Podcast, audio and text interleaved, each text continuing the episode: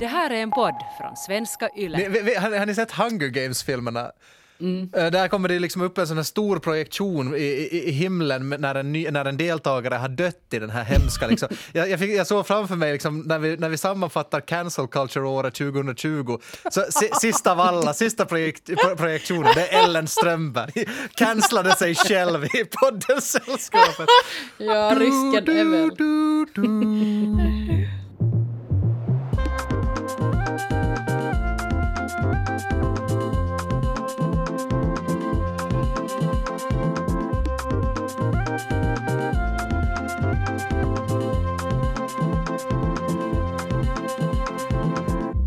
Välkomna till Sällskapet, en kulturpodd med samhällsperspektiv. Ja, Sällskapet består ju i vanliga fall av Kia Svetihin, men inte denna vecka, för idag är det jag, Jonas Forsbacka, som är julvikarie, eller ska jag säga julvärd kanske? Jag, jag, jag, om jag får chansen att kalla mig själv julvärd en gång i livet så tänker jag göra det nu. Eh, och det här avsnittet släpps ju också på självaste julafton, så god jul till dig som lyssnar och också om du lyssnar under de sega mellandagarna eller ännu senare än det, kanske du lyssnar sommaren 2021, då är det inte god jul längre. Men i alla fall, eh, den här gången sällskapar jag med författaren Ellen Strömberg som befinner sig i Jakobstad. Hallå där! Hej. Och med grafiska designern Maria Biffen Ahonen i Borgå. Hallå! Hallå, hallå! God jul på er! Tack! God jul. Eh, jag tänkte börja det här avsnittet med att prata om en helt personlig grej som, som handlar faktiskt om dig, Ellen. Oj. Eh, Jag såg på din Instagram förra veckan att du plötsligt, alltså från ingenstans, så kändes det som, så började du skriva dina stories på engelska. Eh, och, du hade en sån här frågestund då, eh, för dina new English speaking followers. Yes. Och det här kan ju bli lite, alltså, lite lätt cringe när det händer att finlandssvenska kändisar mitt i allt byter över till, till the, the second native language. Nej, nej, men byter över till engelska helt enkelt. Kan du berätta vad som, vad som hände där? Nej men alltså det var en, det är en dansk stickdesigner som jag följer och så hade jag taggat henne någonting jag hade stickat och så har hon liksom börjat följa mig och så hade hon tipsat om mig på sitt ganska stora konto och plötsligt hade jag så här 400 danskar och tyskar som var helt sådär hallå hallå och jag bara "Äh, varf, varför följer ni mig sluta för att jag inte jag tror att de tror att jag är någon sån värsta så här handarbetsproffs vilket jag verkligen inte är. Fast, Eh. fast det ska väl sägas, du stickar väl en sån här stickartröja nu åt, åt eh, din man Jo. Jo, jag har en ärm kvar, så vi ska hoppas jag får klart den. Yes. Men, eh, men jo, men jag tycker bara själv, alltså jag tycker själv att det är som något av det så här lolligaste som finns när eh, så här influencers börjar skriva och prata engelska när de inte riktigt har som räckvidden för att det ska vara, för att det ska vara nödvändigt. kanske? Just det, Ja. just det. Men hur är det, alltså är de kvar de här följarna eller har de lämnat dig redan så att säga? Har, har, de, har de synat att du, inte, du är ingen stickare egentligen liksom? Det har nog försvunnit en hel del sen det ska jag säga, så jag tror att det, jag, Ja. jag var en dagslända. Men man, man känner sig viktig där en stund. Jag har också, många, Mm. många år sedan, så Johanna Tukiöinen addade mig som sin Facebook-kompis för att hon trodde att jag var någon kändis. Och det var jättekiva, vi var Facebook-kompisar i kanske tre dagar och sen gick hon fattade att jag är helt nobody. Shit, ni har båda haft sådana korta, explosiva liksom, eh, glimtar av liksom, det stora livet, det stora liksom, kärnglansen och sen, sen, eh, sen slocknade lika snabbt som det, det gick upp. Eh, och Biffen, jag eh, hörde att du ny- nyligen har tagit körkort. Jag vill säga grattis till det. Tack, tack. Jag vet att alla nu väntar på nyheter. Det har jag gnällt om hela, hela året här nu. Men ja, jag fick körkort faktiskt förra veckan. Och jag var ute och körde med pappa. Tack. Och, och min pappa han var så att jag är jättestolt över det. att Du är jättebra och duktig kusk. Han, han kände sig trygg i, i min kute, vilket betyder jättemycket för mig. Så det var bra. Men för, för mig som, alltså, jag, jag har vuxit upp på ett sånt ställe att om inte man tog eh, bilkörkortet när man var 18 så det var något konstigt, det var något som var fel. liksom. Ja, hade- jag är ju konstig. Okej, just det, så du bekräftar den, eh, den eh, stereotypen. Men, men jag menar bara, eh, har det här blivit en game changer för dig? Känner du att ditt liv är helt annorlunda när du kan liksom sätta dig i bilen och köra en Thelma och Louise, höll jag på att säga, men liksom kan köra vart som helst liksom?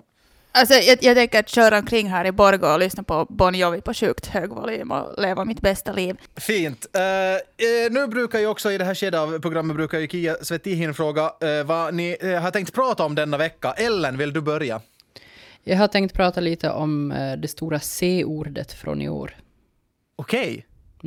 Eh, Vill du, ja, Okej, ja det blir spännande Ja, att höra vilket, vilket ord det är. Biffen, vad tänker du prata om? Jag tänkte att jag skulle sluta på en lite så här positiv not för att det har varit ett så fittigt år. Så jag tänkte att det mest positiva som finns och som ger good feeling åt alla är Dolly Parton. Så jag ska prata om Dolly Parton. Åh, vad trevligt! Jag har tänkt på alla män, för kanske det är främst eh, män, eh, som ägnar stor tid och mycket pengar och mycket kärlek på att modifiera sina bilar och göra dem tuffa. Snabba, snygga, härliga, fina, så, som, som tunar sina bilar. Eh, apropå biltema då, Biffen. Och så har jag frågat mig själv, eh, är det dumt att kalla det här för toxic masculinity när man istället borde se det som ett uttryck för helt vanlig, hederlig transhumanism? Dolly Parton, hon är larger than life skådis, hon är producent, hon är låtskrivare, hon är nöjesparksmogul, hon är en countrymusiklegend. Hon har gett ut otroligt 63 album. Kela. Uh, hon är född 19 januari 1946. Hon är den fjärde av 12 barn. Hon är född i Little Pigeon River i Pittman Center, Tennessee. Dollys familj var jättefattig men kärleksfull, mycket musikalisk. Och Dolly började skriva låtar redan före hon ens kunde skriva. Och hennes mamma skrev upp vad Dolly nynnade på. Och sen när hon som sjuåring fick en gitarr så var det helt kört. Och hon, liksom, musiken bara tog över. Och det kom ju då fram ganska tidigt just att hon var jättebegåvad. Och hennes morbror Bill fick så åt henne att uppträda på en sån här amatörtimme på en radioshow. Och det bara exploderade efter det. Och jag, jag måste säga att jag visste inte här, men Dolly var faktiskt en barnstjärna. Hon har varit jättekänd ända sedan hon var bara tio år gammal. Visst, mm, så det är ganska coolt. Och sen, det är, hon har ju ganska personlig stil, som säkert alla vet, att hon har stort hår och stora bröst och stort allt.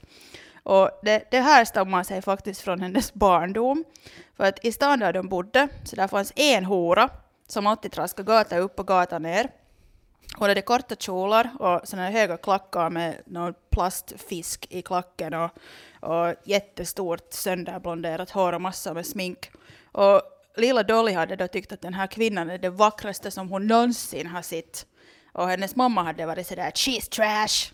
Och så hade Dolly tänkt att “well then, I wanna be trash”. Och sen så föddes då den här hennes stil. Hon bara liksom tyckte att hon vill också se ut sådär för att det är det snyggaste hon vet. Och, och, det här, och så har hon ju också, också sagt att, att it takes a lot of money to look this cheap. Så jag tycker att det, det är helt, helt fantastiskt. Uh, ja, det är fantastiskt liksom att hon, hon har så over the top den här stilen, men hon är ändå liksom jättesmart och empatisk och super liksom typ. Så det är ganska bra exempel på att man också kanske inte ska helt döma folk helt enligt deras utseende, att hur de, hur de ser ut. Och hon har, hon har skrivit en låt också om det här som heter Dumb Blonde, att hon då sjunger att hon ain't nobody's fool. Och sen när Dolly var 18 så flyttade hon till Nashville. Hon flyttade genast när hon fyllde 18, liksom typ dagen på. Hon var sådär att faktiskt shit, nu får jag till Nashville och bli starra. Jag tycker att det är också ganska liksom, härligt att hon, hon vet, hon visste hela tiden vad hon vill och, och liksom tar ingen shit och bara liksom go for it. Så hon flyttade till Nashville och det är mitten av 60-talet. Och då var det inte jättevanligt med kvinnor som skriver framför sitt eget material. Så även där så hon anses att hon är en liksom pionjär för kvinnor inom countrymusiken. Och sen hon har sagt att hon fattar inte riktigt. Liksom, hon var uppväxt på det sättet att, att hej, du kan göra vad som helst. Att hon förstod inte att det fanns en sån här liksom att ja men kvinnor är lite sämre, att det är männen som rullar. Och eftersom, så hon bara körde på det. Så jag tycker att det är också ganska, ganska liksom Dolly-aktigt att hon är bara sådär att nej, jag gör min grej, skit i alla Men hon andra. har väl också fått ganska mycket skit. Alltså idag är det väl ingen... Ja. Alltså, alla älskar väl Dolly idag. Ja. Men liksom Ja. ännu när jag var liten tror jag att det var ganska sådär att jag att hon är en dammblond ungefär. Ja, jag tror att folk fattar liksom inte. Folk fattar inte att hon skriver sina egna låtar och att hon är liksom jättesmart businesskvinna. Och det, men jag tycker också att det är sist att hon har hållit ändå det där utseendet, det där imagen, att hon har varit såhär faktiskt shit, att så här vill jag se ut. Och, för att någon annan kanske skulle ha vet du, lite kuva för det och börja tona ner den där stilen.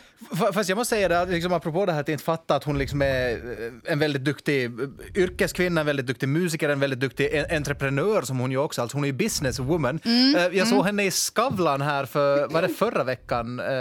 I alla fall Skavlan här riktigt nyligen i, i december. Och alltså antal, jag räknar inte men antalet frågor frågor som Fredrik Skavlan ställde om hennes liksom, utseende och hennes liksom så här, What's your favorite a- accessory at home in your, in your closet? Så här, vem bryr sig liksom? Men han oh är ju God. också, alltså han, han, han är ju alltid sådär, han är ju riktigt överskattad.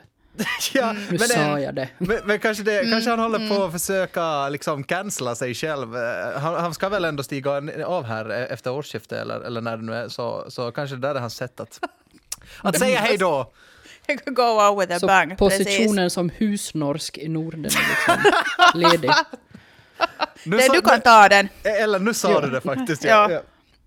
Precis. Nej men alltså apropå det här faktiskt, det som också är jätteintressant att Dolly hon är helt sjukt smart och hon har alltid haft liksom sådär att, att jag vill ha full kontroll över det som jag själv gör. Och hon har skrivit såklart jättemycket klassikerlåtar av Jolene och, och, och sen I will always love you. Så den har varit på listan första gången 1974 och sen andra gången 1982 och då är det hon själv som har framfört framfört båda versionerna. Och Elvis Presley, han ville spela in I will always love you. Och Dolly var helt liksom såhär att åh gud vad ljuvligt. Men killar nu liksom Elvis Presley skulle sjunga den låten. Det, det är ju liksom, oh, man får helt kalla kårar. Men sen när de skulle börja deala då det här, och sen Elvis manager Colonel Parker som var ju helt sjukt shady, så han, han då liksom ringde och snackade om den här dealen. Då kom det fram att Elvis hade sagt att han ville alltid äga rättigheterna till alla låtar som han framförde, men Dolly hade ju då bestämt att hon kontrollerar hennes material och ingen annan. Så även om det sved så gav hon då Elvis nobben. Att nej, att du får inte. Att jag, att jag vill ha allt material själv. Och jag märker att det är ganska kova juttu att någon...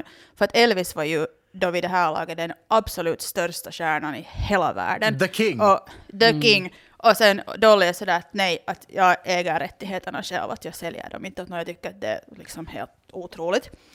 Och sen många, många, många år senare, 1992, så Whitney Houston spelar då en berömd sångerska i filmen Bodyguard med Kevin Costner som är hennes livvakt. Och Kevin Costner råkar vara ett sjukt stort Dolly Parton-fan och det var hans idé att Whitney skulle göra en version av I will always love you för den här filmen. Och jag menar, the, the rest is history. I will always love you av Whitney Houston är en av de mest sålda sinkorna i världen. Och Bodyguards soundtrack är fortfarande 30 år senare det mest sålda soundtracket någonsin. Det har sålt 45 miljoner exemplar, vilket är helt insane. Så det var ganska bra att hon stod på sig. Men efter åren i Nashville så bestämde sig då Dolly för att hon inte bara ville vara en countrystjärna utan hon ville vara en internationell superstjärna. Och det är, alltså, jag, jag kan bli så avundsjuk på sånt här, liksom, att någon bara säger att jag vill bli en stjärna och jag tänker göra vad som helst och jag är liksom så att jag orkar inte ens gå till matbutiken. Eh, det, Men vad det- betyder det när man säger så här, jag vill bli en internationell superstjärna? Vad ska man börja göra då? Eller liksom, vad, är så här, vad, är, vad är målet då? Man ska Alltså, börja prata engelska på Instagram. precis, man ska exakt. You're on to something. Nä, nä, nästa jul när vi sitter här och poddar så eller, eller så du har glömt vem vi är. Ja. Du är, du är, du är på, någonstans har din Netflix julspecial och höll. Hon bestämmer sig att hon vill bli internationell superstjärna och så flyttar hon till Los Angeles och folk liksom i Nashville och countryvärlden var ganska sura på henne att det var så att du lämnar du oss liksom att du bara tar allt och sen så pajnar du men hon var liksom så att no I'm not leaving Nashville I'm taking it with me och så att åh okej okay, ljuvligt um, så hon började ge ut mera poppiga hits som liksom Here You Come Again och, och sen så började hon vara med i filmer och 1980 kommer en av de bästa filmerna i universum som jag har sett liksom säkert 50 000 gånger, det vill säga 9 to 5. Har någon av er sett Åh, den är så bra. Nej, jag, Är jag, jag, jag så har tyvärr bra? sett den. Nej. Gud, alltså där är, det, det är Dolly Parton och Jane Fonda och Lily Tomlin. Och de är då tre brudar som jobbar på en sån stor firma och de chef är en sån jäkla mansgris och de tröttnar på det och de tar sån revansch på honom att det inte är sant heller. Och det, det ah gud, alltså det, den är så bra. Jag, jag tittar på det varje dag när jag kommer hem från skolan under säkert tre års tid. Och jag kan säga att den, den har liksom den har moldat min personlighet ganska mycket. Ska jag, säga. att jag tar inte så där hemskt mycket skit av något karra. Så jag, jag, jag kan tacka den filmen nog för ganska mycket. Okej, men alltså Lily Tomlin och Jane Fonda, är det de som är med i Ja. Grace and Frankie på, på Netflix också? Ja, det är just dem. Det är Ah, just så dem. de det, har hängt ihop ja. hela livet? Jo, alltså, jo, jag blir jo, jo. rörd av det. Jo, jo. Alltså det är helt fantastiskt. Och sen uh, 95, så den här temasången 95, så den är också helt superkänd, den är helt fantastisk. Och, och Dolly skrev den här låten on set och hon började hacka på sina lösnaglar och det kom liksom så här rasslande ljud och sen av det så kom den här liksom bas liksom melodin till den här låten då fram. Och på skivkonvolutet så är det faktiskt liksom, där står Nails Dolly Parton för att hon helt liksom spelar sina naglar på den här Gud. låten. Vilket är helt fantastiskt. Det, det, är liksom, det, det är så sist. Och hon- de blev Oscar-nominerade för den där låten. Men jag tror att det var Fame eller någon som vann det året. Men, men ändå. Jag vill, inte vara sån, jag vill inte vara sån, men när jag hör en sån där anekdot så, så får jag två vägar framför mig. Jag står vid ett väg, vägskäl. Den ena vägen är I call bullshit, det där låter så som en efterkonstruktion. Den andra vägen är det här tänker jag lyssna på och bejaka för jag vill att Du det ska ska vara sant det bejaka. här. Och alltså, om du tittar på när hon uh, spelar den live, så då hon hackar sina naglar när hon spelar Är den det live. otroligt verkligen? Ja, att hon använder dem som ett instrument. Det, Jag har det är också liksom- och det- sett klipp på det så jag kan intyga. Det. Precis. Och sen apropå Kara, så hon har ju själv faktiskt varit... Det här är också att, att folk tror att hon är jättebimbo och säkert att hon knasar runt och har sig. Men hon har ju varit faktiskt gift liksom i över 50 år med, med sin man Carl. Och, och Dolly säger att hemligheten till ett gott äktenskap är att man ska inte vara hemma samtidigt allt för ofta så ska man ha dålig humor. Är- Couldn't agree more. Jag tycker att det är fantastiskt.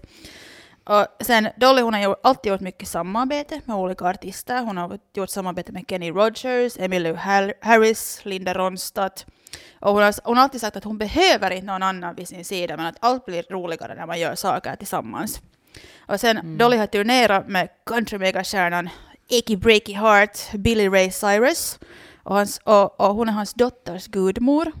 Och den här dottern är ju faktiskt ingen mindre än Miley Cyrus. Så det är ganska Ah! Ja, så hon har, hon har ju, jag tror att Miley har blivit ganska influerad nog säkert då av Dolly. Och de samarbetar på hennes skiva Younger Now, alltså Mileys skiva Younger Now. Och Miley hade ofta, ofta just beskrivit att hon har haft en jättestor stor influens på, på liksom hur musikalisk hon har blivit. Ja. Det finns också en jättefin sån här live-version av eh, Dolly Partons Åh, låt Jolene ja. som Miley Ja. Cyrus gör. Den är så bra, den är så bra. Fantastisk. Och sen, Dolly är ju inte bara en otrolig artist, hon är en otrolig människa. Jag blir helt rörd. Eh, hon, hon, hon, hon har sagt att hon stiger upp klockan tre varje morgon på morgonen. För att hon säger att hon är då mest produktiv och så, så mediterar hon på morgonen och liksom är så här, skriver låtar och får alla sina bästa idéer. Det där är också så, jag, jag skulle aldrig kunna. Jag, skulle, åh, jag, jag, jag, jag stiger upp klockan Men elva hon är väl också helt- typ 90 år? Alltså, det är sant. Det är sant. 90-åringar Gamla, ja, det är sant. Gamla människor, de, de stiger upp tidigt. Du har helt rätt. Men får jag säga också, vi skjuter in det bara, att hon berättade om det här också i den här Skavlan-intervjun jag såg. Och, och, och där, alltså där berättar hon att hon stiger upp klockan tre då, eh, precis som du säger Biffen, och, och för att hon är mest produktiv. Men hon kallar det också we-time. Och hon kallar det liksom we-time för att hon har med sig Gud där. Så det är kanske det ni borde... Alltså hon är väldigt religiös också. Så, alltså, det är kanske det du borde göra för att orka börja stiga upp. Att, att, Jag, jag bor ju faktiskt liksom i samma hus som Frikyrkan och mittemot Philadelphia kyrkan, men jag har inte liksom ännu märkt att det här ska påverka min morgonrytm på Nej, något just sätt. det. Nej, okej. Så I don't know. Men det här, ja men anyway, så hon stiger upp jättetidigt, och så, så, men hon sover med fullt sminkat ansikte. För att hon är sådär att man vet aldrig vad som händer, det kan bli en eldsvåda och så måste hon springa ut och det är liksom sådär att, att ingen får se henne utan, utan hennes smink, att det ska vara helt kattare. Så ja, okej.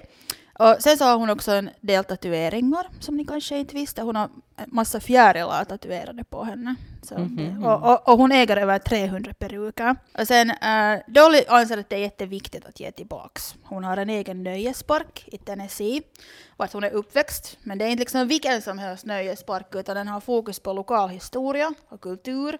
Och det är såklart ett Dolly Parton museum, du kan prova hennes peruker och där är alla hennes kläder och Gracie Alltså är det det som är Dollywood? Ja, det är Dollywood, exakt. Okej. Mm. Det, ja, precis. Kanske bra att nämna namnet också. Sen någon gång efter hundra år när vi får resa igen någonstans så kommer man fara dit. Men ja, det, det är Dollywood. Och hon har liksom varit jättemån om att, att den ska gynna samhället och skapa arbetsplatser och det har det gjort. Att den här lilla staden har liksom verkligen frodats sen, sen hon, hon kom. Och, starta den här nöjesparken så att hon tror på att man ska ge tillbaka i det stället vart ifrån man har kommit så, så säger bara Ellen sen att when you hit it big så du kan också ha en nöjespark. Ja, jag ska bygga Larsmo. alltså Ellenwood. Jag ska bygga Lars. Alltså på sistone så har Dolly varit aktuell med Netflix-serien Dolly Partons Heartstrings. Det är liksom en åttadelad serie var varje episod baserar sig på en av hennes låtar. Och sen så finns det också dokumentären Dolly, Here I Am, som kom förra året. Och i år så gav hon ut en bok som heter Songteller My Life in Lyrics. Så hon är liksom superproduktiv, fast hon är väl 70, det är liksom också helt fantastiskt. Och sen så i år kom också den här julspecialen på Netflix, Christmas on the Square. Och mitt i den här inspelningen så råkade den här nioåriga skådespelerskan Talia Hill gå framför en bil och sen swoosh, Dolly Parton, som faktiskt spelar en ängel i den här filmen, kommer och drar undan den här ungen just när hon håller på att bli påkörd. Och hon, liksom, hon, hon liksom räddar livet på henne. Alltså nu börjar jag lite vara lite sådär, ja. Kom igen. Okej? Men, men, no, vad it happened. va It happened. anspråkslöst att eh, spela ängel i sin egen film. I know, I know. Och sen, och, men det, det slutar ju liksom där, för att nu på sommaren så donerar Dolly en miljon dollar. Den största doneringen som de fick till Vanderbilt University Medical Center för utveckling av Modernas vaccin. Kanske ni har hört om det här vaccinet? För att det är då det här covid-vaccinet som nu kommer att rädda världen, det vill säga Dolly Parton kommer att rädda världen. Men min absolut favoritfakta om Dolly, alltså covid-vaccin, okej, rädda barn, yay. Men eh, hon har ett produktionsbolag som heter Sand-Dollar Entertainment. Och de producerade 1992 en så här semikökig vampyrfilm som inte var någon vidare framgång. Men gänget på tro, trodde på det här konceptet helt stenhårt och de övertalade en viss Josh Whedon att göra en TV-serie. Och den 10 mars år 1997, producerat av Dolly Parters produktionsbolag, hade serien Buffy the Vampire Slayer premiär. Så vi ska ju Har vi Dolly och tack för Buffy? Ja! Ja! Vad är det här? Så liksom, I love you Dolly. Det, Men får, det, får, det, det, får jag ändå väcka en kritisk fråga här till all den här liksom kärleken, den här lovebombingen du, du, du Ja, skickar mot ja. Dolly Parton. Blir hon årets person 2020 i din bok för att hon har producerat Buffy the Vampire Slayer? Ab- alltså absolut varje år. Jag, jag, liksom, jag, jag kan seriöst säga att jag älskar Buffy the Vampire Slayer. Om, om jag borde titta på bara en TV-serie för resten av mitt liv så jag skulle ta den.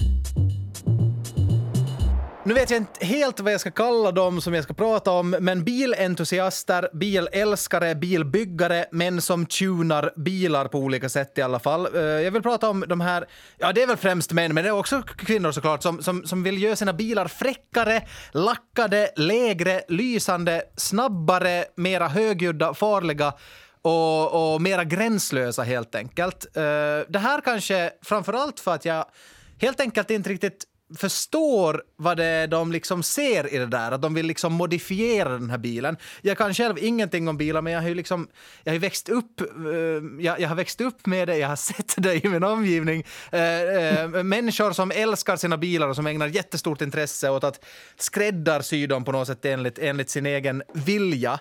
Som lägger Och det är ner- alltså inte, förlåt men det är alltså inte bara Pimp My Ride Nej, nej, men den, det är inte den, du har sett bara. Nej, men det tv-programmet minns jag att det liksom, eh, alltså jag, jag golvades av det när jag såg det. För det första så hade MTV kommit liksom och man sa bara okej, shit. eh, Eller liksom eh, MTV hade väl funnits så länge som helst, men jag hade upptäckt MTV.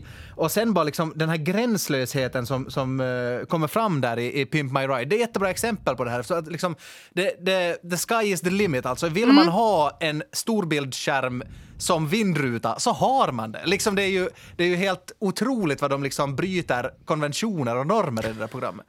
Alltså jag tycker att den finaste bilen som någonsin har existerat är Dumb and Dumber, den här bilen som ser ut som en hund. Om jag ska få välja vilken, helst, vilken som helst bil så skulle jag vilja ha en sån, Just men en kattversion. Just det, en bil måste inte se ut som en Ja, konventionell de där bil. öronen är så liksom, när du kör den är så bra, den är så ja, bra. Nej, men ni är med mig här på spåret i alla fall. Jag har aldrig fattat den, den här grejen eh, att modifiera bilar på olika sätt. Tills eh, jag för någon vecka sedan lyssnade på Sveriges Radios podd Filosofiska rummet. Och de har, eh, hade ett program där för några veckor sedan alltså om, om transhumanism. Och efter att jag lyssnat på det här avsnittet om, om transhumanism så har jag ett förslag på vad den här, liksom, den här brinnande, passionerade intresse för att modifiera bilar kommer från. Eh, men först då eh, lite kort om vad transhumanismen är. Eh, I början av den här podden så frågar programledaren Titti Han av filosofen Karim Jabari vad transhumanism riktigt är och han svarar ganska kärnfullt så jag, så jag tänkte citera det. Han säger så här en uppfattning, ideologi, kunskapsfält som diskuterats mycket under de, de, senaste åren. Det kanske mest centrala här är att vi kan och bör använda oss av teknologi för att förbättra den mänskliga kroppen, naturen, för att uppnå en potential eller liksom förverkliga oss själva. Kärnan i transhumanismen kan man kanske påstå då alltså är att, att det är moraliskt acceptabelt eller moraliskt påbjudet att förändra den mänskliga kroppen, säger då eh, Karim Jebari. Och alltså förlåt, jag trodde att det var, jag trodde att det var sådana människor som, eh, som, som, som liksom tycker att de är vargar. Alltså sådana outsiders-typer som är sådär. Så lyckantroper! Alltså, jag är en varg fången i en människas kropp, men okej. Okay. Nej men det är bra att du säger det, för alltså, ett, ett, ett, några exempel på transhumanism, det måste inte gen, man måste inte genast tänka på människor som, som ylar som var, vargar, och man måste inte heller börja tänka på cyborgs eller liksom sci-fi. Eh, eh, man kan istället tänka på, på olika sätt, stora eller små, som människan liksom tar kontroll över och utvecklar teknologier för att förändra mänskligheten och för att uppnå en högre potential. Ett aktuellt exempel på transhumanism skulle man kunna argumentera är vaccin till exempel. Alltså en, en, teknologi som vi människor använder för att förändra kroppen och uppnå en annan potential. Ett annat exempel som också kommer fram i, i filosofiska rum är tandkräm med xylitol. Alltså våra tänder blir mhm. onaturligt bra av det och får en helt ny potential av det. Eh, det finns också, ska sägas, eh, en del kritik mot transhumanismen som alla olika kunskapsfält och vetenskapliga områden, såklart.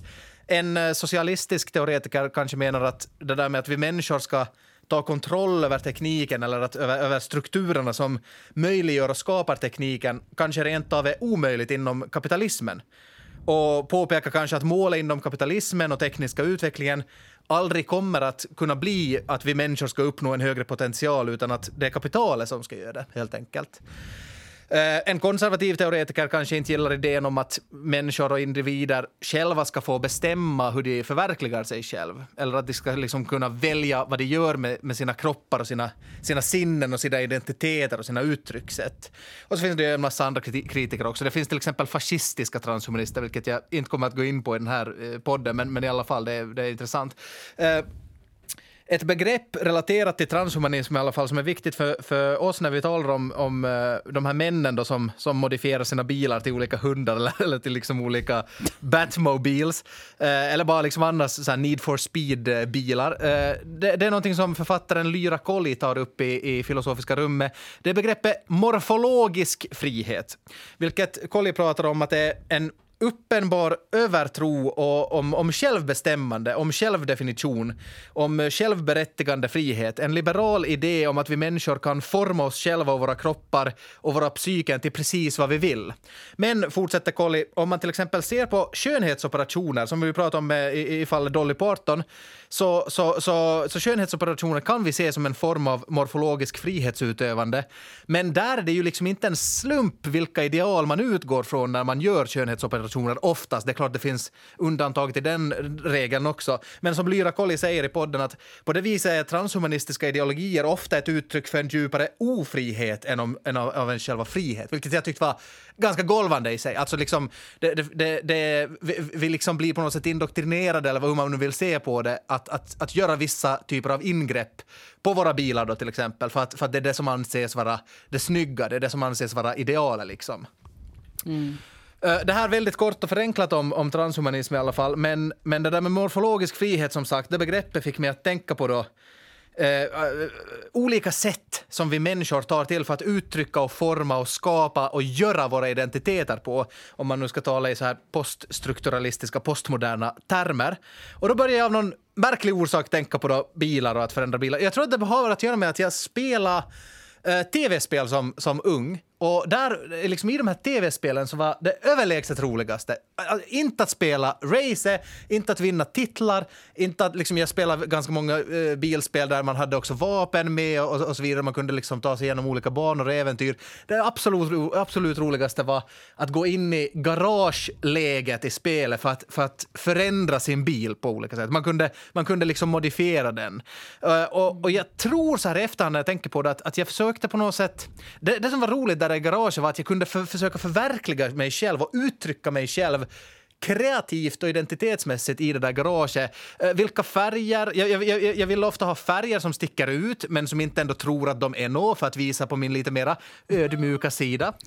Eh, jag ville ha blått neonljus under bilen för att visa min lite mer finländska sida. Jag menar, hallå, eh, det vill man ju ska synas på, på banan. Och så ville jag ha en spoiler bak på bilen för att visa upp min manlighet. Lite som en sån här tjäderhane som spärrar upp sina stjärtfjädrar för att visa vem som är kingen. Känner ni igen det här? Här, det här fenomenet? Absolut, jag är ju från Lovisa så jag är liksom helt uppvuxen med det här att det är massa, massa bilar som åker omkring på veckosluten runt torget och, och spelar 90-tals eurotechno. Så att det bara skakar. Så jag, jag tror nog att det är liksom att den som har coolaste bilen får liksom mest moji. Men, men du, du, har ju själv haft uh, körkort i elva dagar ungefär. Mm, Tror I know. Kommer du att gå den här vägen? Liksom, att kommer du att liksom, försöka uttrycka din identitet genom, genom din bil? Eh, nej, alltså nej. Jag, jag får ju låna min pappas bil som är en, en väldigt eh, fin och konservativ ny Peugeot modell 2008 limited edition eh, färg i orange. Det finns också andra bra bilar. jag, jag, vet ingenting om bilar. Alltså det enda, det, jag, jag har en annan bil som jag, som jag flåsar efter på sommaren som jag såg i Lovisa på trädgårdscentret som de säljer, men den är så dåligt skick att de inte ville sälja den åt mig för att de tyckte att jag kan inte göra något med den. Och de hade en sån här 80-tals Corvette där. Och det var, det var så sjukt för jag var så att okej, okay, jag kan se mig själv i den där, men alla andra tyckte att det var en ganska dålig idé. Jag, jag, läste sen en intressant sammanfattning av en doktorsavhandling på det här ämnet som är skriven av svenska genusvetaren Dag Balkmar år 2012. Och så läste jag också korta, kort, eh, delar från instruktion, eh, och så läste jag korta delar från introduktionen till hans den här avhandlingen som heter On Men and Cars, an ethnographic study of gendered, risky and dangerous relations snäv målgrupp på den boken kan jag tro. Men, men, men, avhandlingen går in på också annat, alltså det mörka ämnet risktagning och dödsfall och olyckor inom trafiken. Det, det tänker jag inte gå in ja, på. Men det, det sa du ju faktiskt i bioskolan, att det är liksom främst unga män som kvaddar till och som är liksom riskar för att köra delvis för hårt och bryr sig inte om någonting. Och sen, sen jag, jag är så jättelångsam och försiktig kusk för att jag är kärring i ratten, så, så det kanske inte riktigt händer. Ja, jag tror att väldigt många genusvetare kanske skulle vara beredda att liksom förklara den risktagningen med utgående från genus genus och, och sådana sociala strukturer och så vidare. Men Balkmar, Balkmar, det är ju ett namn också, Balkmar skriver genom utforskande av bilmodifiering i svensk kontext adresserar avhandlingen konstruktionen av maskulina identiteter i relation till bilar, precis som kläder och klädstilar kan bli ett medium för att undersöka olika sätt som människor uttrycker eller formulerar sina identiteter på genom materiella sätt. Eh, det här är mina egna översättningar från, från engelska. Eh, han skriver så här. Jag utgår här från ett brett teoretiskt ramverk där teknologi och genus är konstruerat i relation till varandra, vilket betyder att teknologi aldrig kan anses vara neutralt. Det är lite som Lyra Kolli konstaterade i Filosofiska rummet, att, att eh, bara för att man tänker sig att det finns en morfologisk frihet så kanske den inte är neutral, det sättet som det tar sig uttryck på. Balkmar förstår modifieringen av bilar både som liksom en materiell och symbolisk praktik där där man liksom behöver omformulera och fundera på sin egen identitet och det egna jaget. Och som jag förstår det här då, helt kortfattat, så det är att liksom när man står och sprayar flames på sidan av sin bil eller när man monterar på den där spoilern eller gör om sin bil till en hund, då är det liksom ett slags förverkligande av sig själv och där och då uppstår, uppstår liksom frågan, antingen medvetet eller omedvetet, i huvudet att var slutar jag och var börjar bilen? Eh, och det är kanske inte alltid liksom så himla solklart som man skulle tro att det är var gränserna går. Alltså man förstår ju att okej, okay, bilens konturer, de är det här och min människokroppens konturer är det här. Men identitetsmässigt alltså, eh, tänker, mm. tänker jag då. Um, ett citat till av Balkmar här. Projektet Självet, min översättning från, från hans begrepp selfhood, blir aldrig färdigt. Det är en pågående process där man gör sitt själv. Ett, en process i den här kontexten involverar bilar också. Alltså det känns som att jag har som inte förstått hälften av alla ord du just har sagt. Samma. Men, men det jag förstår, eftersom jag kommer från ganska samma bygd som dig, så förstår jag ju det här, alltså bilar är ju verkligen en identitetsmarkör om inte annat. Eller alltså, så här, man pratar ju om folk säger ja, ja men det är ju han där som kör den där, eller åtminstone liksom, alltså nu nyligen så satt jag och pratade med ett, eh, ett gäng vänner eh, som är i samma ålder som mig, men vi har som inte umgåtts i samma kretsar eh, när vi var unga. Och, men så började vi prata om så här gemensamma bekanta. Så här, jo, jo, men det var ju han som körde den där och det var ju han som hade en diskokula i, i taket i sin bil och sådär. Och alla visste exakt vem det var. Och just det här att hur viktig bilen blev. Men det är ju också... Alltså det är för mig är det ganska problematiskt att bo någonstans där folk känner igen folk med vad de kör för bilar. För att jag är bilblind. Alltså det finns människor som är ansiktsblinda, men jag är bilblind. Alltså jag hittar Samma inte min här. egen bil på en parkeringsplats. Alltså jag, jag ser inte skillnad på en... Ja. Men är Ja, ni, är men ni det- bi- bilblinda bara för att folk liksom inte utövar den här morfologiska friheten över sina bilar i tillräckligt stor, hög grad? Alltså det, det är ju ganska få som sist och slutligen liksom uttrycker verkligen sig själva genom sin bil kanske. ja, men jag skulle verkligen välkomna, åtminstone lite, alla bilar har ju typ samma så här smutsfärg De för alla ser likadana ut. Men, det var, men därför var min pappa var smart för att jag kommer att låna hans bil. Så det, därför köpte han en sån här illorange bil som man alltid känner igen. Så att jag liksom alltid skulle hitta den. För det, jag tycker att alla bilar ser helt likadana ut. Det, det är liksom, jag, jag förstår inte. Jag har då valt att köra in i vår garagedörr lite så att jag har en repa på vänster sida så Ah, därför bra. känner jag igen min bil. Smart. Eh, the- the- there's a crack in everything, that's where the light gets in. Jag, jag, läste, jag, jag läste också en rolig Vice-artikel om det här där jag ändå började sätta mig liksom in i det lite från, från i början av december i år med den lustiga rubriken “We asked men who make their car engines really loud Why? Eh, där, där ett av svaren från de här som intervjuas är liksom att det, det handlar inte om att vil, vilja väcka anstöd, det handlar om att liksom uttrycka sig själv. Och i den här artikeln så, så är också den här samma genusvetaren Balkmar intervjuad. Då. Och han säger att de, de här människorna som modifierar sina bilar vill bara ha en unik bil och genom att göra sin bil unik blir de också unika själva. Det handlar alltså om att stå ut ur kollektivet samt om att testa och utveckla sitt eget hantverk såklart. Så min enda poäng här är att liksom nästa gång du, ni, ni går till fönstret för att hötta med näven och skrika skitunge åt någon cool snubbe som åker förbi med sin Hur sitt visste du att jag gör det där? Ja, nästa gång du gör det så ska du tänka, det är inte för att väcka anstöt eller för att jävlas, eller liksom, det är inte en kränkning mot dig. Det kanske bara är ett sätt att uppnå en högre potential. Det kanske bara är ett, ett liksom uttryck för helt vanlig hederlig transhumanism. Alltså, senast i morse, jag öppnade balkongdörren och så var det någon granne som var såhär "Mau, mau", och jag sa satan. Så, Ja. Eh, nå, jag skulle vilja börja med att ställa några frågor till er. Och första frågan här nu, och här, eh, om, jag, om ni ska tänka på ett ord som börjar på C, som har med detta året 2020 att göra, vilket ord skulle ni tänka på då? Och nu vill jag helst att ni svarar corona, men ni får svara vad ni vill. det, det, det är svårt att, att inte svara corona, om man nu säger så. Jag vet inte varför, alltså är det freudianskt? Men jag tänkte på engelska ordet kant genast. eh, Men, men det kanske berättar mer om mig än om det här året. Ja, nej men alltså det finns väl inte något fel eller rätt svar här. Men jag hade ju lite hoppats att ni skulle svara corona så att jag skulle kunna vara sådär, haha, plot twist, jag ska prata om cancel culture. Ooh, men kul! Det blev en bra, jag tycker det blev en Bra, bra, bra, plot twist. Ja, okej. Eh, ja, nej men eh, jag, för jag, alltså jag, det börjar ju lacka mot nytt år och jag, jag är väldigt förtjust, inte nyår som högtid, men det här liksom det här med att liksom kunna avsluta och påbörja något nytt, det är väldigt tillfredsställande tycker jag. Och jag älskar så här i slutet av året när folk börjar liksom sådär Årets bästa skivor, årets bästa låtar, årets skandal. Alltså jag älskar alla sådana listor. Och jag Ja. har tänkt att jag skulle försöka så här sammanfatta det här nådens år 2020 nu i mitt prat. Men jag kom som, eftersom det känns som att jag har typ Alltså jag har inte varit full hela året, men det har varit ett så märkligt år så jag kan liksom inte jag hade väldigt svårt att utkristallisera några sådana här konkreta saker att lista. Och det enda jag kom på kring 2020 som inte handlade om corona, så det var liksom cancel culture. Uh, så därför så börjar min, min årskrönika handla om det. Uh, och sen min andra fråga till er nu då förstås är ju så här att har ni något så här favorit uh, cancel moment eller är det någon som ni är ja, no, någon som ni antagligen kanske tycker bäst om att ha blivit cancellad eller någon som ni sörjer mest att ha blivit cancellad om ni förstår vad jag menar. Alltså han den där, kommer ni, kommer ni ihåg det tv-programmet Bullen som kom när vi var små?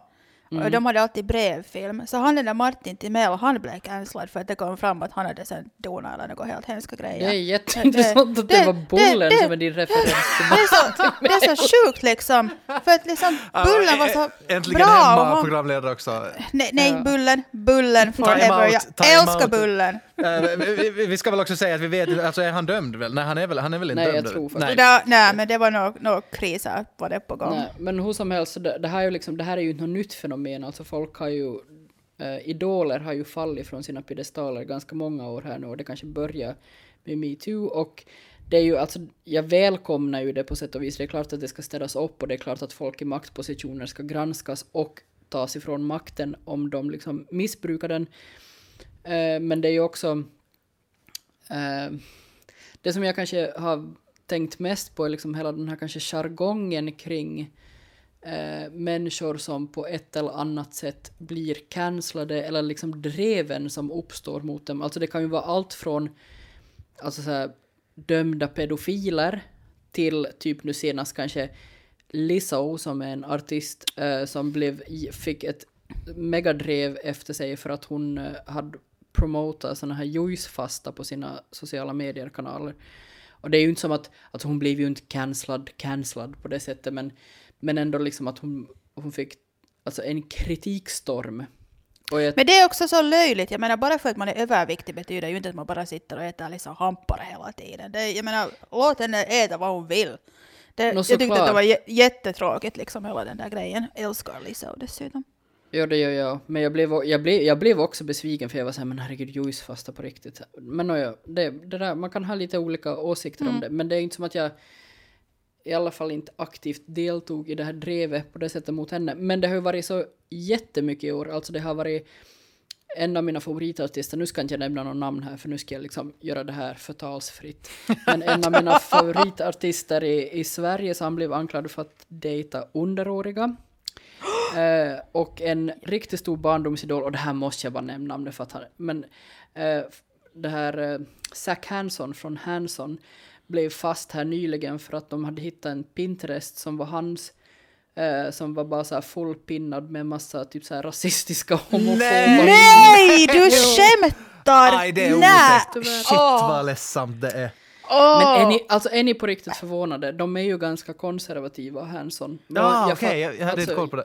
Jag Åh. fattar inte då, de, var kanske inte, de kanske inte uttryckte på det sättet när de umbappade oss, umbappade sig in i våra Precis, hjärtan där i slutet av precis. 90-talet, men, men de är ju sådär i, de, ja, de är ju fortfarande aktiva, men de är ju ganska, ja, jag vet inte, alltså de, de lutar väl mot någon slags sån här evangelistisk eh, kristen Amerikatradition, tror jag Oj, ganska oj, hårt. oj, oj, oj. Nå, Eh, så, ja. Men och sen är det ju förstås alla de här influencers som först var det flygskammen och nu är det det här att de fortfarande reser fast det är corona och bla bla bla bla. Och sen är det, ja alltså det har varit massa en så här mega stor kock i Stockholm blev av med jobbet här nyligen för att det kom fram eh, att han hade tafsat på sina anställda och, och den här, eh, vad heter det, Ellen DeGeneres Just det! fått Ja, just eller så här, det. Utstår ganska mycket för att hon tydligen är otrevlig och det får man inte vara som kändis. Men det är också Eh. helt löjligt liksom så här, let her be a bitch. Eh, naja. Ja men alltså, det, som ni märker det är liksom ganska från, alltså det finns ju saker som verkligen behöver som, som är bra att komma upp i ljuset. Eh, till exempel nu den här svenska tv-profilen som blev fast för att ha köpt sex. Eller han blev ju tagen på bar, bargärning. Eh, och det är ju bra att det kommer fram, men just såna här typ som att ja men Ellen DeGeneres är otrevlig. Det känns som att allting det liksom hamnar på något sätt på samma konto, men jag tycker att det är lite för brett emellan dem. Precis. Sådär för att, ja.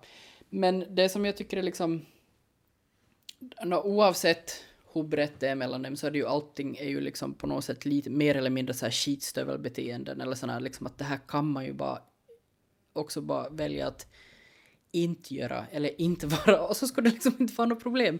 Eller det känns som att det är ganska lätt att inte typ köpa sex eller ganska lätt att inte vara superotrevlig. Eh, så det är ju som, ja, men nåjo, vad vet jag om vad som är lätt och svårt för någon annan egentligen.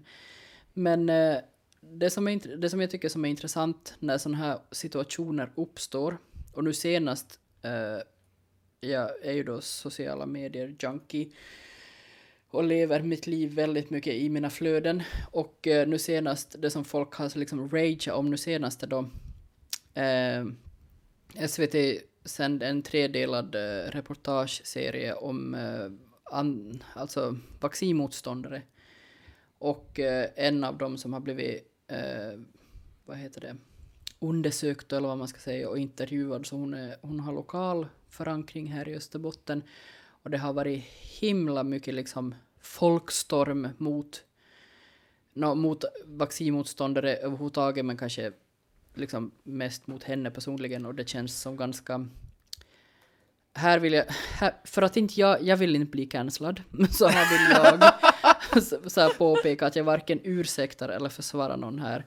Men jag tycker det är lite intressant hur det plötsligt blir så här super eh, okej att säga typ vad som helst om någon bara för att de har liksom gjort ett övertramp på något sätt. Att, Men- det liksom, att man liksom så här passar och på och tar ut allt vad man bara kan i ett kommentarsfält för att alla ja, jag vet inte, alla, alla bara gör det och man, man står på något sätt liksom sådär redan på, vad ska jag säga, inom citationstecken rätt sida. Så då är det, som, då är det okej, då får man bete sig hur man vill. Eh, Men eh, är inte en av orsakerna till att det, det har blivit så otroligt mycket eh, skriverier och mycket debatt om just den här österbottningen, den här antivaccinationsösterbottningen, det är väl att dels så är hon känd sedan tidigare, alltså hon har drivit den här frågan och lobbat för den här frågan ganska länge, men också att hon nyligen har blivit utsedd till årets tränare i, i, i sin kommun. Så alltså att hon är på något sätt... Det, det, det argumenteras att hon är liksom en, en, en, liksom en, en person i ansvarsposition och som, som har med barn att göra och så vidare. Och att det, det jo, är och det är liksom- klart, och det kanske, och det, det ska ju diskuteras och det, det behöver kanske ifrågasättas, eh, även om jag på något sätt i, in, i något skede tänker att men man kan väl vara båda två, alltså människor är ju aldrig bara en sak. Men det är klart att, ja, men, men det är bara sättet hur folk gör det och den här jargongen är så hård och det här liksom, jag blir som så, det känns som att det liksom handlar så lite sist och slutligen om den där sakfrågan, att är det här att liksom behöver den här människan fråntas sina ansvarsområden just för att hen har eh, betett sig eller uttalat sig liksom oansvarigt. Eh, men, eh, men det mesta här liksom hur folk liksom, det känns som att Alltså orsaken, jag tror att det finns flera delorsaker till varför cancel culture har varit så stort i år. Och dels är det ju det här att det finns så lite att samlas kring. Alltså Eurovision, det, det jag lever för till exempel, blev inställt. Eh, Finland skulle vara med i eh, fotbolls-EM för herrar för första gången. Åh, just det! He Jose kan vi ju säga. Eh, Sommar-OS blev inställt. Alltså mycket av det här som, man, som fungerar liksom på något sätt som lägereldar för människor har ju liksom bara inte funnits i år. Men ett drev mot någon som har gjort fel, det kan man, en, det kan man alltid liksom delta i, även om man sitter i karantän, för man kan alltid skriva en kommentar. Sådär. Så dels tror jag därför, alltså det, den här eh, gemenskapsskaparen, att det är liksom det, därför det har blivit så mycket sånt i år. Eh, men så tror jag också att det är helt enkelt kanske just det där att folk bär på ganska mycket frustration i år. Det, Och ja, att man liksom passar det. på och tar ut någonting just när det ändå är så, när vinden ändå blåser åt det hållet så då kan man lika gärna liksom, ja. Men jag tycker, jag skulle vilja liksom, eftersom jag är en så otroligt god människa eh, så skulle jag vilja säga att man inte ska göra så. Nej men alltså jag, jag, jag kan ju förstå mekanismen bakom det, för det är ju en ganska så här glättig gemenskap som uppstår när tio pers försöker diagnostisera någon och varför någon har gjort så fel som de har gjort och bla bla bla. Och liksom eh, på något sätt överträffa varandra i att så här verbalt slakta en annan människa. Men det är ganska, alltså även om det är som en skitstövel som brinner på häxbålet så är det som lika mycket skitstövel att stå liksom och elda på det där bålet på något sätt tycker jag. Alltså, förstår jag dig rätt att du, du, du, tycker att det finns för litet intresse av, till, till exempel i det här fallet nu med, med den här vaccinationsmotståndaren som det ju också kommer fram i den här SVT-dokumentären att ha liksom kopplingar på något sätt till, eller liksom att det, det, det är inte bara antivaccinationsgrejen som är liksom grejen utan det, det ligger antisemitism, new world order, mm. konspirationsteori bakom och liksom, ja, men strukturell rasism och, och, och så vidare. Att, eh, är din liksom, tycker du att vi borde vara intresserade av att, liksom, så att säga, bota problemet mer än att bara säga att kolla hur sjukt det här är?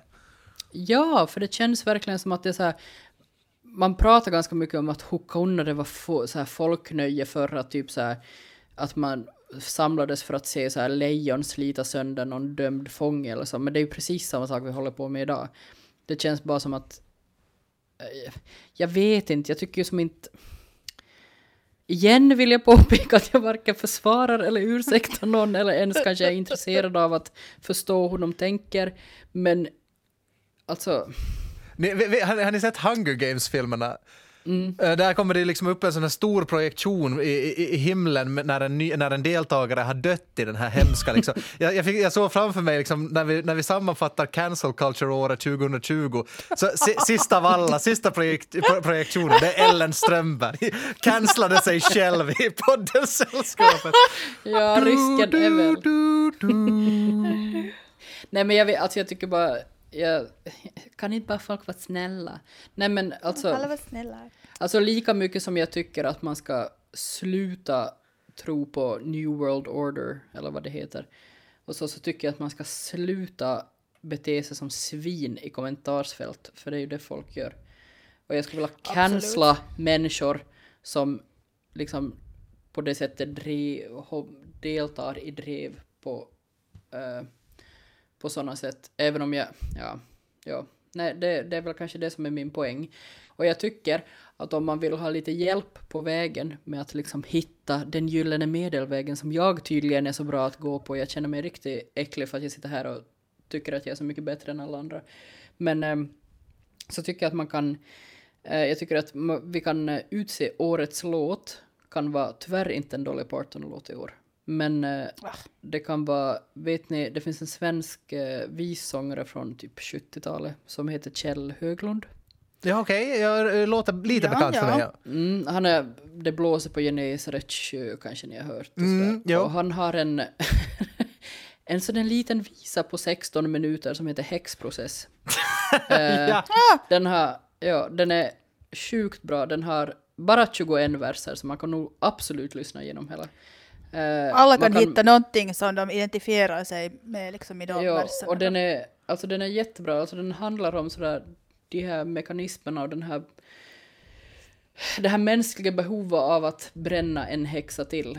Och ska inte vara för att det blir olidligt pretentiöst så ska jag läsa en, eh, en, eh, en av verserna. Men jag tror faktiskt att jag struntar i det och säger att man får googla fram det.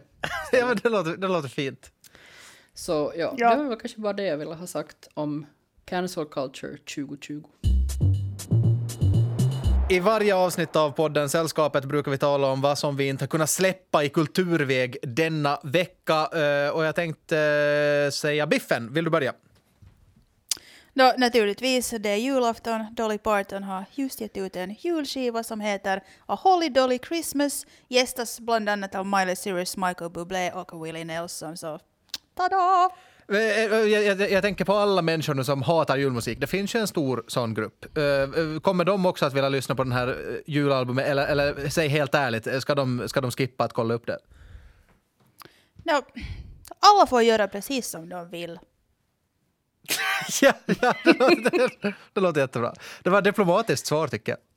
Uh, jag, kan, uh, jag kan berätta, Mi, mitt kulturtips är sajten eh, uh, pitchfork.com, alltså, som inte har den helt ostörande sloganen “The most trusted voice in music”. Alltså det är dunderhöga hästar, men alltså det är liksom världens mest inflytelserika musikmagasin helt enkelt. De släpper ju liksom alla andra listor Eh, för året. Eh, 50 bästa album och, 100 bästa låtar. Jag tycker ändå det har någonting att gå igenom de här listorna. För, eh, liksom bara för att få nya influenser och se ny intressant musik.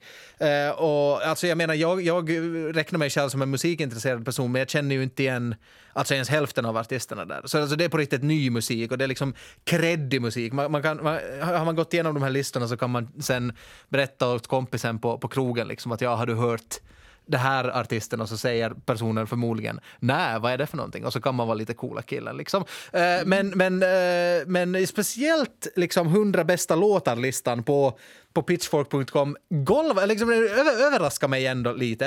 Eh, kan, kan ni gissa vilken som är enligt dem årets bästa låt?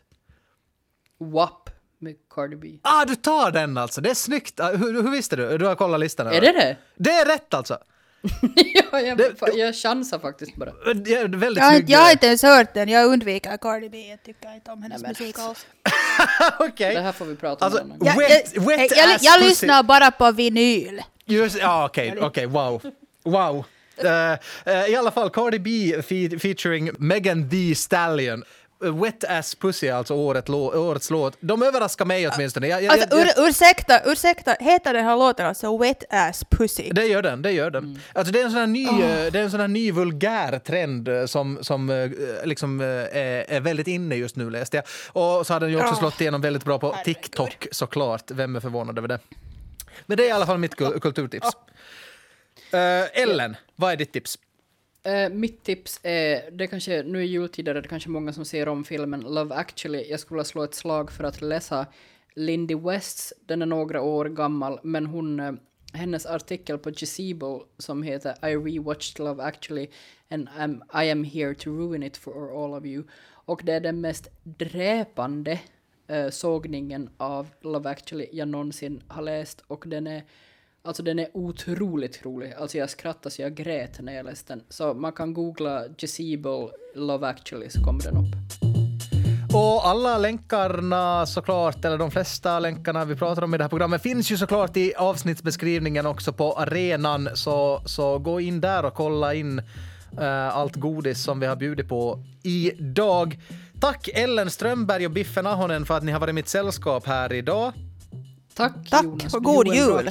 Nej, men tack, tack. God jul ja. Eh, Och du, du som lyssnar, om du har frågor, feedback eller kritik så ta eh, för guds skull ta kontakt med oss helt enkelt. Vi har en mailadress till exempel sallskapet eh, yle.fi och ja, som sagt, alla referenser som nämns i avsnittet hittar du också i avsnittsbeskrivningen på arenan.